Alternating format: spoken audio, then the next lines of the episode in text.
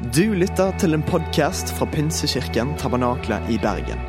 Vi tror at kirken skal være en plass hvor mennesker trives gjennom alle livets faser. En kirke for hele livet. Ønsker du å bli bedre kjent med oss eller holde deg oppdatert? Besøk vår Facebook-side eller ptb.no. Her er ukens tale. I dag skal vi snakke om et tema som handler om forvaltning. Vi har eh, snakka om Gud som vår forsørger, Gud som giver, som elsker oss, som far, som skaper. Eh, og så er det sånn at Gud også har skapt oss menneskene, og så har han satt oss i denne jorda for at vi skal forvalte noe av det som han da har gitt oss å forvalte. Og det skal vi snakke litt om. Noen av de tingene som eh, du og jeg kanskje har litt utfordringer med. I hvert fall jeg eh, har det mange ganger. Og kanskje vi kan snakke litt om det, og hvordan vi kan gjøre det på en god måte. Vi skal se litt på hvordan, eh, forvaltning, hvordan vi kan forvalte tilbedelse, tid, evner og gaver. er de vi skal se på litt i dag. Og bli med meg til første Mosebok kapittel 2 er det vel, og vers 27, eh, så står det Og Gud skapte mennesket i sitt bilde. I Guds bilde skapte han det. Som mann og kvinne skapte han dem. Gud velsignet dem og sa til dem, Vær fruktbare og bli mange. Fyll jorden og legg den under dere. Dere skal råde over fiskene i havet over fuglene under himmelen og over alle dyr det kryr av på jorden. Og så står det til slutt i kapitlet Og Gud så på alt det han hadde gjort, og se, det var svært godt. Gud, når han skaper noe, så er det veldig godt. Du må gjerne ta en titt i kapittel 1 og hele kapittel 2 og se detaljene i alt det Gud skapte, og hvordan han skapte det. Og så står det i hver slutt av hver eneste dag Og Gud så at det var godt. Gud, det han skaper for oss, det er godt. Og så er det mange ganger som eh, vi kan liksom lure på det i dag. Ja, men er alt godt det Gud har skapt? Eller hvordan er det? Jeg tror fortsatt at alt det Gud har skapt, er godt. Og så tror jeg at ikke alt i verden i dag er godt.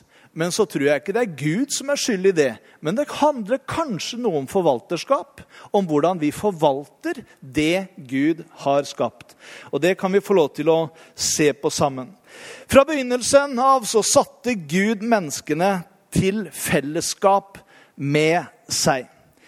Han skapte dem i sitt bilde. Som mann og kvinne skapte han den, og så ga han alt det skapte som han hadde gjort, til dem for at de skulle forvalte det. Råde over det. Det handler om å gi det for at de skulle råde, bestemme, forvalte, og også at dette skulle ivaretas på best mulig måte. Men jeg har lyst til å ta det første bildet. For det første bildet i forhold til forvaltning handler om å vite hvem er vår skaper, og hvem er vår Gud, og vår relasjon til Gud. Fordi det første vi blir oppmuntra til, er å tilbe Ham som er vår skaper. Og I åpenbaringen 4,11 så står det For du har skapt alle ting og på grunn av din vilje ble det til, og de ble skapt. For du har skapt alle ting. Hvis du lurte på hvem som var skaperen, så er det han. La oss derfor, sier hebreerne 13-15, ved ham alltid bære fram lovprisningsoffer for Gud. Det vil si frukt av lepper som lover hans navn. Det er interessant at når det snakker om å gi eller forvalte, så snakkes det også om tilbedelse som noe vi skal gi. Noe vi skal være med å forvalte. Det å ære Gud over alle ting. Og lovprisning, det er en bekjennelse og en proklamasjon av Han som er vår skaper. Vi har så lett av og til for å snu litt på det og begynne å tilbe det skapte i stedet for skaperen. Men det blir jo veldig rart. At vi skal liksom sette prioritering på det han har skapt, og ikke på han som er skaperen. Men all ros og tilbedelse og ære, det tilhører skaperen. Og det er han vi burde elske og ære og tjene han alene.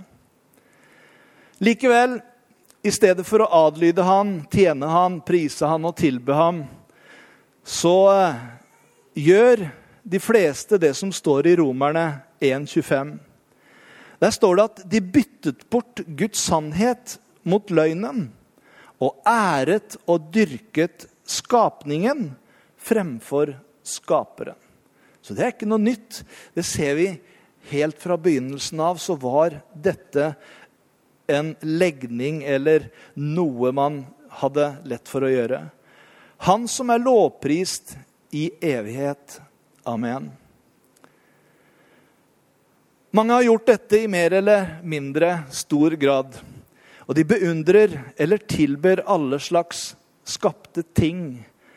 Som intelligens kan man løfte opp og tilbe skjønnhet, makt, rikdom. Prestasjoner blir tilbedt, talenter blir tilbedt. Vi kaller det ofte idoler, noen vi ser opp til, noen som vi på en måte løfter opp. I stedet for å løfte opp og ære Han som har gitt menneskegaver. Han som har gitt menneskene talentene. Han som har gitt all den skjønnheten vi ser rundt omkring. får lov til å tilbe skaperen fremfor skapelsen. Gud har skapt alt godt for at vi skal nyte det. Men det er bare Gud som skal tilbes, og ikke det skapte. Og ingen av dem ville ha eksistert dersom den allmektige skaperen ikke hadde skapt dem. Det er meningsløst å beundre, beundre det skapte istedenfor skaperen. Når du ser en flott bygning, så tenker du det er noen som har bygd det huset. Istedenfor å tenke at ja, det bare plutselig sto der. Men det er en hjerne bak. Det er en bygningsmann bak, og det er også en bygningsmann bak alt det du ser, alt det du opplever, alle de godene som du og jeg har fått. Derfor så står det i Matteus 4 og vers 10, når Jesus blir spurt om dette, så sier han, 'Herren, din Gud, skal du tilbe, og Han alene skal du tjene.' Så la oss være langt mer bevisste på det å tilbe Gud og ære Gud. Også når vi kommer sammen i gudstjenesten, så er det ikke bare en del av programmet. Ja, nå skal vi synge lovsang. Men det er en virkelighet. Det er en grunn for at vi gjør det. Det er fordi at vi ønsker å løfte hans navn. Han som gjør at vi faktisk kan komme og være til stede. Han som har gjort alt klart for oss for at vi skal kunne ære og tilbe ham. Løfte hans navn høyt opp. Og da kan vi si med David i Salme 100 og fra vers 3, eller fra vers 1 tar jeg det med. Rop med jubel for Herren, all jorden. Tjen Herren med glede.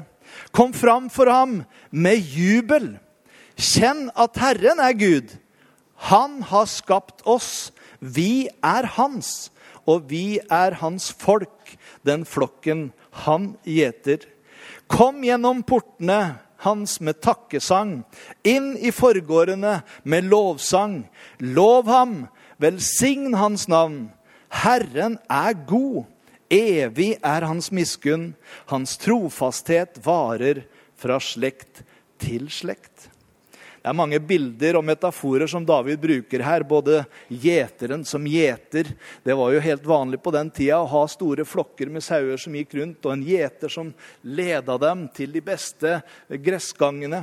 Du har andre uttrykk her som det står om port portene, og det står om forgården og det aller helligste. Hva er alle disse tingene? Jo, det var tabernaklet. Det er det vi har faktisk navnet av her i kirken. Men det var et sted man gikk inn gjennom porten. og når man gikk opp til Jerusalem også for, for, festene og for å feire og for å være i gudstjeneste, ja, så begynte ikke tilbedelsen og lovsangen når man hadde kommet i samlingen. Nei, du har mange av salmene, så står det, legg merke til det, så står det eh, sanger ved festreisende. Hva er det for noe? Jo, det var når de skulle opp til gudstjeneste, når de skulle opp og feire. Ja, så kom de, og de sang, og de jubla, og de priste Gud på vei til gudstjenesten, for de visste hvem de skulle møte. De visste hvem de skulle ære, og de begynte like godt lenge før. Det kan være en god ting for oss å gjøre også. Når du står og pusser tenna på morgenen allerede før du har spist, så tenker du 'halleluja, i dag skal jeg på gudstjeneste'. Og så er du liksom i farta, og du spiser frokosten og takker Gud for den maten du har fått, og priser Han for at Han er god og gir deg alt det du trenger. Du setter deg i bilen på vei ned, og kanskje setter du på kristen radio eller noen CD-er du har der, og så lover du Gud på vei hit. Vi skjønner, Det kommer til å være helt annerledes for deg når du setter deg ned her og tenker kan vi ikke bare få begynt å lovprise Gud? Fordi det er noe i deg allerede som er der. Med fokus på Han, som er din skaper, din Herre og din Gud. Lovprisningen den hjelper oss nemlig å vende blikket bort fra omstendighetene og på det som er ovenfor omstendighetene våre. Og da fylles vi med tro og takknemlighet. Og vi blir i stand til også å kunne takle utfordringer i livet. Masse bilder jeg kunne vist deg der, men en av de kjente er jo når Paulus og Silas sitter i fengsel, urettferdig behandla fordi de hadde hjulpet en kvinne som var eh, brukt holdt på å si, snakke om menneskehandel, men de hadde på en måte brukt henne for å spå til mennesker eh, om forskjellige ting. Og så kommer Paulus og Silas, og etter at de flere dager hadde liksom disse forteller sannheten, så skjønte de denne kvinnen trenger å bli fri. Og når hun ble fri, så ble de satt inn pga. løgn og sa at disse de kommer med nye lærdommer her og sier at men sannheten var at denne kvinnen hadde blitt fri.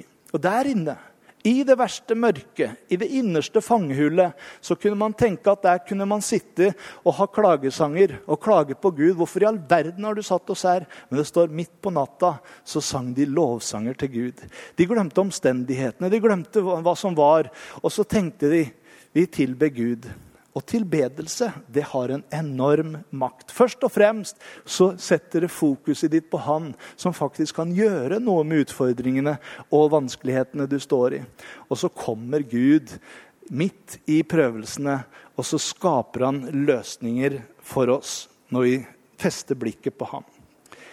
Så tilbedelse det er det første vi er skapt til.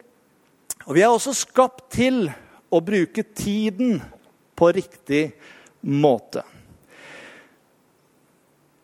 Det har blitt sagt at alle i Norge har en klokke, men ingen har nok tid. Jeg vet ikke om du har hørt det uttrykket.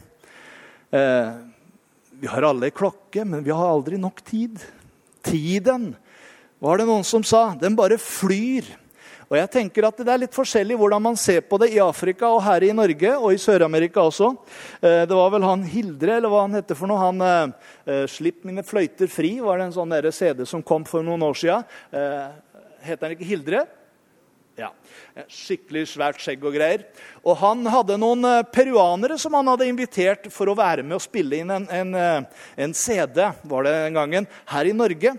Og eh, De var punktlige. De var før tida, kvart på. Da var alt klart, og musikerne sto bare og venta. Men denne gruppa de kom inn liksom ikke etter tida. De liksom kom, eh, Det hadde gått et kvarter over tida, de hadde enda ikke kommet. og En halvtime etter tida. og Da begynte han virkelig å bli sint. Tenkte dette går ikke an! Vi skal ha øvelse her, og dere kan ikke komme for sent. Tiden går fra oss, han. Og var skikkelig Jeg skjønner jo det. Eh, det er jo litt lenge å vente så lenge. Eh, men så sier han etterpå Disse her guttene Ja, men tiden går jo ikke. Tiden kommer. Det er hvordan man ser det. De tenkte at det er alltid nok tid. Mens andre tenker tiden går. Tiden går fra oss. Men tid er viktig. Og tid er noe som Gud også har bedt oss om å administrere på en god måte. Hvordan måler du tid? Jo, vi kan måle tid i forhold til forpliktelse eller forvaltning. Og det er mye bedre å forvalte tiden rett, planlegge tiden rett, fordi da får du ofte gjort mye mer. Kanskje det er dette punktet vi mange sliter eh, livet av oss holdt jeg på å si, i forhold til å bruke tiden rett. Planlegge tiden godt, så vi kan få gjort det vi skal gjøre. Og en bønn som Moses ber, som du kan lære deg å kanskje be daglig, og jeg også, den står i Salme 90 og vers 13. Lær oss, eller lær meg, å telle våre dager så vi kan få et vist hjerte. Visdom i forhold til tid handler også om å kunne planlegge riktig. Å kunne bruke tiden rett. Å kunne sette opp litt kalender for ting som må gjøres. Og Gud han ønsker også å hjelpe oss å administrere tid. Han har satt tider for forskjellige ting i sitt skaperverk. Sykluser som går hele tiden. Og jeg tror at vi også kan lære av Gud om hvordan vi kan få eh, bli gode forvaltere av tiden og bruke tiden på en god måte. En annen ting som eh, vi kan få lov til å administrere, det er evnene våre, eller talentene våre.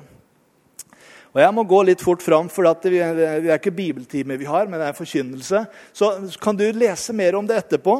Og Der står det i eh, Romerne 12,1.: Jeg oppmuntrer dere derfor, søsken, ved Guds barmhjertighet, at dere fremstiller deres kropp som en levende offer hellig og velbehagelig for Gud. Dette er deres åndelige gudstjeneste. Det å bruke livet, det å bruke kroppen vår, det å bruke evnene og gavene våre, det er en måte å tilbe Gud på. Vi gir oss selv, vi gir våre legemer til Gud. Vi stiller oss til disposisjon for Hans vilje, at Han kan bruke våre liv til vitnesbyrd for han og til hjelp for andre mennesker. Eller vet dere ikke at kroppen deres er et tempel for Den hellige ånd, som er i dere, som dere har fra Gud, og at dere ikke tilhører dere selv, for dere ble kjøpt for en høy pris. Gi derfor Gud ære i kroppen og i deres ånd, for begge hører Gud til. Det å vite at vi er et tempel for Den hellige ånd, at livet vårt tilhører Han, gjør også at vi kan bruke de evnene og gavene som Han har lagt ned der, til ære for Han. Våre hender, våre føtter, vår munn, vårt hjerte. Alt får vi lov til å gi til Gud. Og hvilke naturlige evner og gaver har du fått som du kan få lov til å tjene andre med? Gud har gitt alle noe. Jeg tror det er ingen her som kan si at ja, jeg har ikke fått noen ting. Det står i, hvert fall i 1. Korinterne 12,4 at det er forskjellige nådegaver, men ånden er den samme. Hos hver enkelt gir ånden seg til kjenne slik det tjener til det gode. Han har gitt oss gaver, han har gitt oss talenter. Og Jesus han brukte også dette som bilde når han forteller lignelsen om talentene. En hadde fått fem, en hadde fått tre, en hadde fått én. Og så har du kanskje lest historien om hvordan den som hadde fått fem, han gikk ut og handla med det og brukte det vist og klokt og fikk fem til. Han som hadde fått tre, han gjorde det samme, gikk ut med de tre han hadde fått, og handla med det og fikk tre til. En talent det var som ja, i hvert fall et årsverk i forhold til den tida der. Men han som hadde fått én talent, han tenkte det er en streng dommer og streng gud. Er der, Så jeg pakker det ned, jeg gjemmer det vekk, så skal han sannelig få igjen talentet sitt når han kommer tilbake. De to første sier Gud, du kloke og tro tjener. Du har tro i det lille, jeg vil sette deg over stort. Mens han som tenkte at eh, jeg får bare gjemme det vekk, han eh, fikk ikke akkurat det samme skursmålet. Du dårlig og late tjener, sa han. Fordi han ikke hadde brukt det som Gud hadde gitt ham. Det som han hadde fått å handle med. Og I dette bildet så lærer det oss noe. Eh, enten vi har mye eller vi har lite, og føler at vi kanskje ikke har så mye, men bruk det du har. Gud vil velsigne det, og det vil være til velsignelse for mange mennesker når du bruker de gavene og de talentene Gud har gitt deg. Kanskje føler du at du har pakka ned talentet ditt, de gavene som Gud hadde gitt deg. Er ikke for sent å grave dem opp enda og begynne å bruke det. Før Herren kommer, så har han gitt oss disse gavene. Og I Kolosserne 3,23 så står det alt dere gjør, gjør det av hjertet, som for Herren, og ikke som for menneskene. Det siste jeg skal dele om, er gaver i forhold til eh, midler eller penger som du og jeg har fått. Og Av og til så kan vi tenke at ja, men det har ikke Gud noe med hva jeg har. Men så tenker jeg hvem er det du har fått det av? Hvem er det du har fått helse av? Hvem er det du har fått arbeidskraften av? Hvem er det du har fått kunnskapen og visdommen av? Gud, han er det som er giveren. Salme 24, 24,1 så står det at jorden hører Herren til, og alt som fyller den. Verden og de som bor der. Hele jorden er hans. Vi er hans. I Hagai 2,8 står det 'Mitt er sølvet, mitt er gullet', sier Herren over herskarene. Og Johannes 3, 27, Et menneske kan ikke få noe hvis det ikke er gitt ham fra himmelen. Og Vi kunne tatt mange flere vers, men det viser oss eierforholdet. Hvem er eieren? Hvem er skaperen av alt? Og hvem er det som opprettholder alt? Jo, det er Gud. Og han gir villig til oss, så vi skal ha alt det vi trenger. Og så kan du velge å tjene Gud, eller du kan tjene pengene eller velstanden. Men det er viktig at vi kan lære oss de rette prinsippene i forhold til hvordan Gud ønsker at vi skal bruke de evnene og de gavene han har gitt oss. Matteus 6, 19 så står det.: Samle dere ikke skatter på jorden, hvor møll og rust ødelegger, og hvor tyver bryter inn og stjeler. Men samle dere skatter i himmelen, hvor verken møll eller rust ødelegger, og hvor tyver ikke bryter inn og stjeler. For der skatten deres er, der vil også hjertet deres være. Ingen kan tjene to herrer, for enten vil han hate den ene og elske den andre, eller så vil han holde seg til den ene og forakte den andre. Dere kan ikke tjene både Gud og mammon, eller pengene, eller velstand. Du må velge hvem er det du har til Gud, og så velsigner han oss med det vi trenger. Den som elsker Gud og tjener ham, vil også ha et giversinn, akkurat som Gud har et giversinn. For så høyt har Gud elsket verden at han ga.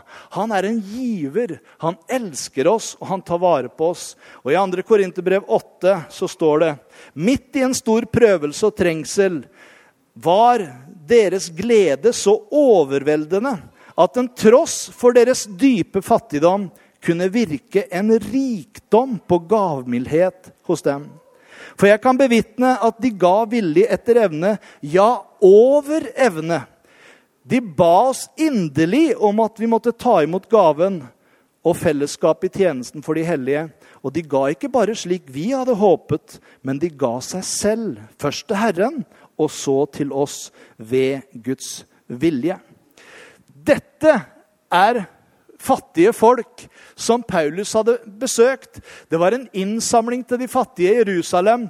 Og, og det er akkurat som Paulus kommer til dem og tenker ja, vi, vi, kan ikke kreve så mye av dere, for dere har jo så lite. Men det er akkurat som det er et rop fra denne gjengen her. Ikke hindre oss i å få være til velsignelse. Og Det er helt fantastisk av og til når vi har vært ute på misjonsfeltet i, i Sør-Amerika, som jeg er mest kjent eh, i hvert fall og kommer dit. Og så tar de på en måte det eneste høna de har igjen, fordi de har fått besøk. Og de ønsker å gjøre det beste. Og, og, vi tenker det må dere jo ikke finne på. Hva skal dere spise i morgen?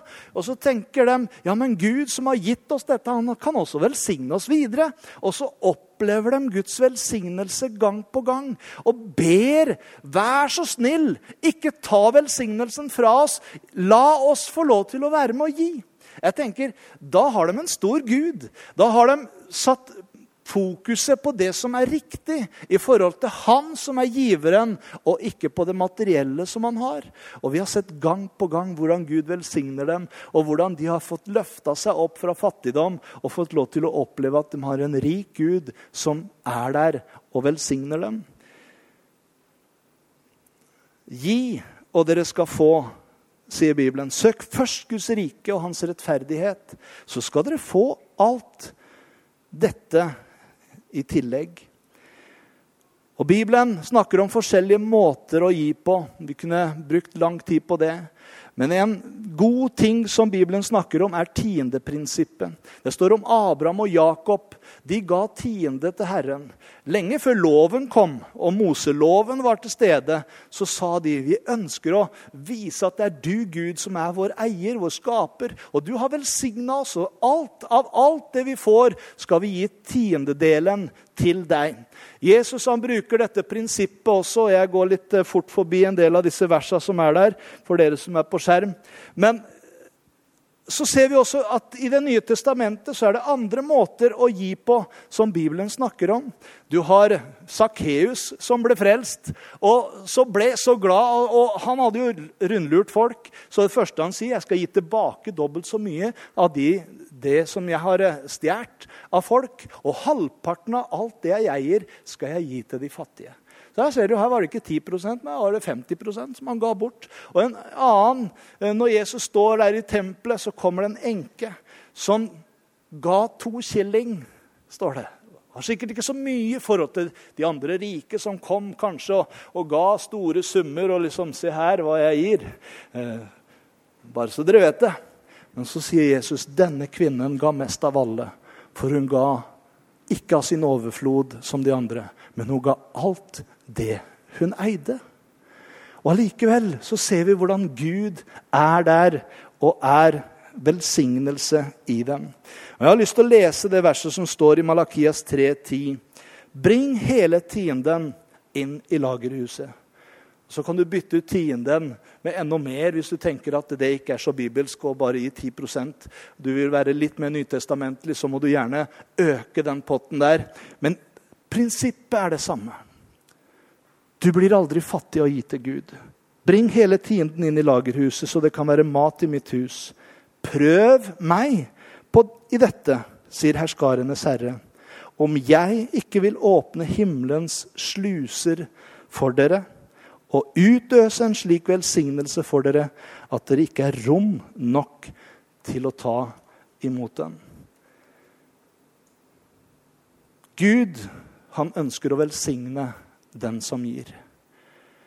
Hvis vi finner ut av det først at det vi har, det er ikke mitt, det er ikke vårt, men det er hans.